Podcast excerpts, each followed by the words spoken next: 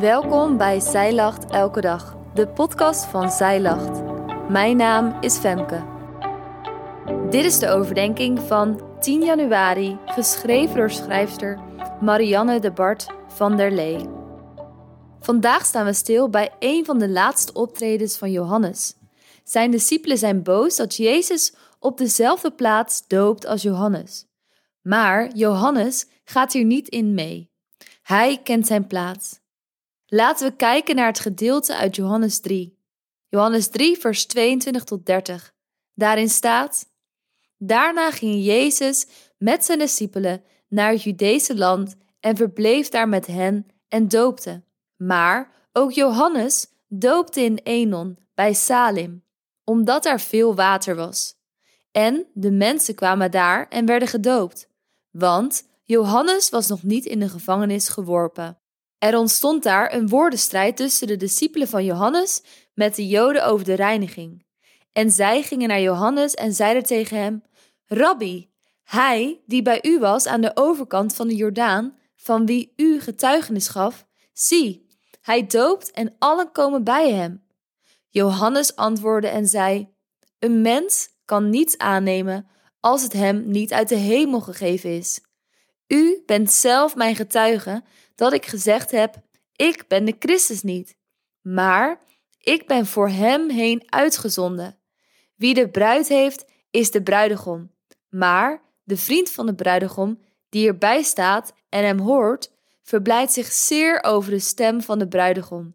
Deze blijdschap van mij nu is volkomen geworden.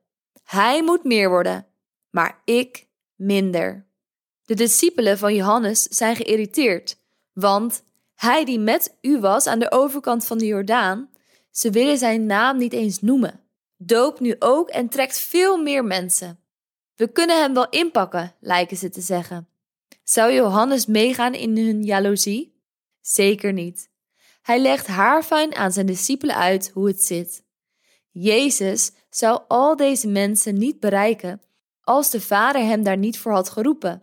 Zowel de weg van Johannes als van Jezus is onderdeel van Gods plan. Daarom is er al helemaal geen concurrentie volgens Johannes.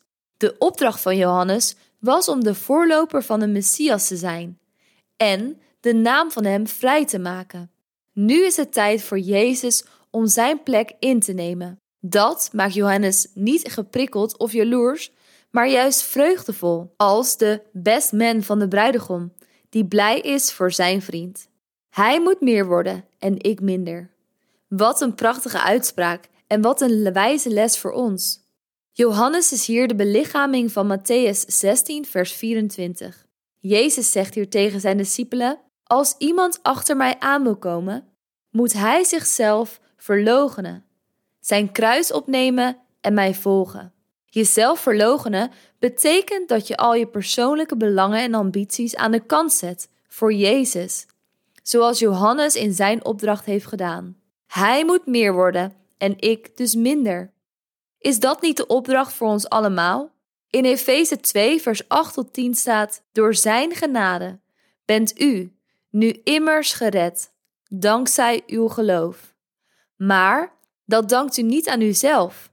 Het is een geschenk van God en geen gevolg van uw daden. Dus niemand kan zich erop laten voorstaan. Want Hij heeft ons gemaakt tot wat wij nu zijn, in Christus Jezus geschapen, om de weg te gaan van de goede daden die God ons heeft voorbereid. Het is best gemakkelijk om te zeggen: God staat op de eerste plek in mijn leven. Maar mijn vraag is vandaag: hoe uit dit zich in je dagelijkse handelen? Is jouw handelen gericht op wat Hij wil? Of zijn er dingen die je krampachtig vasthoudt? Leg dit vandaag in je gebed aan God voor. Pak het kruis op en wandel in de weg van de goede daden die God al heeft voorbereid. En weet, je hoeft het niet alleen te doen.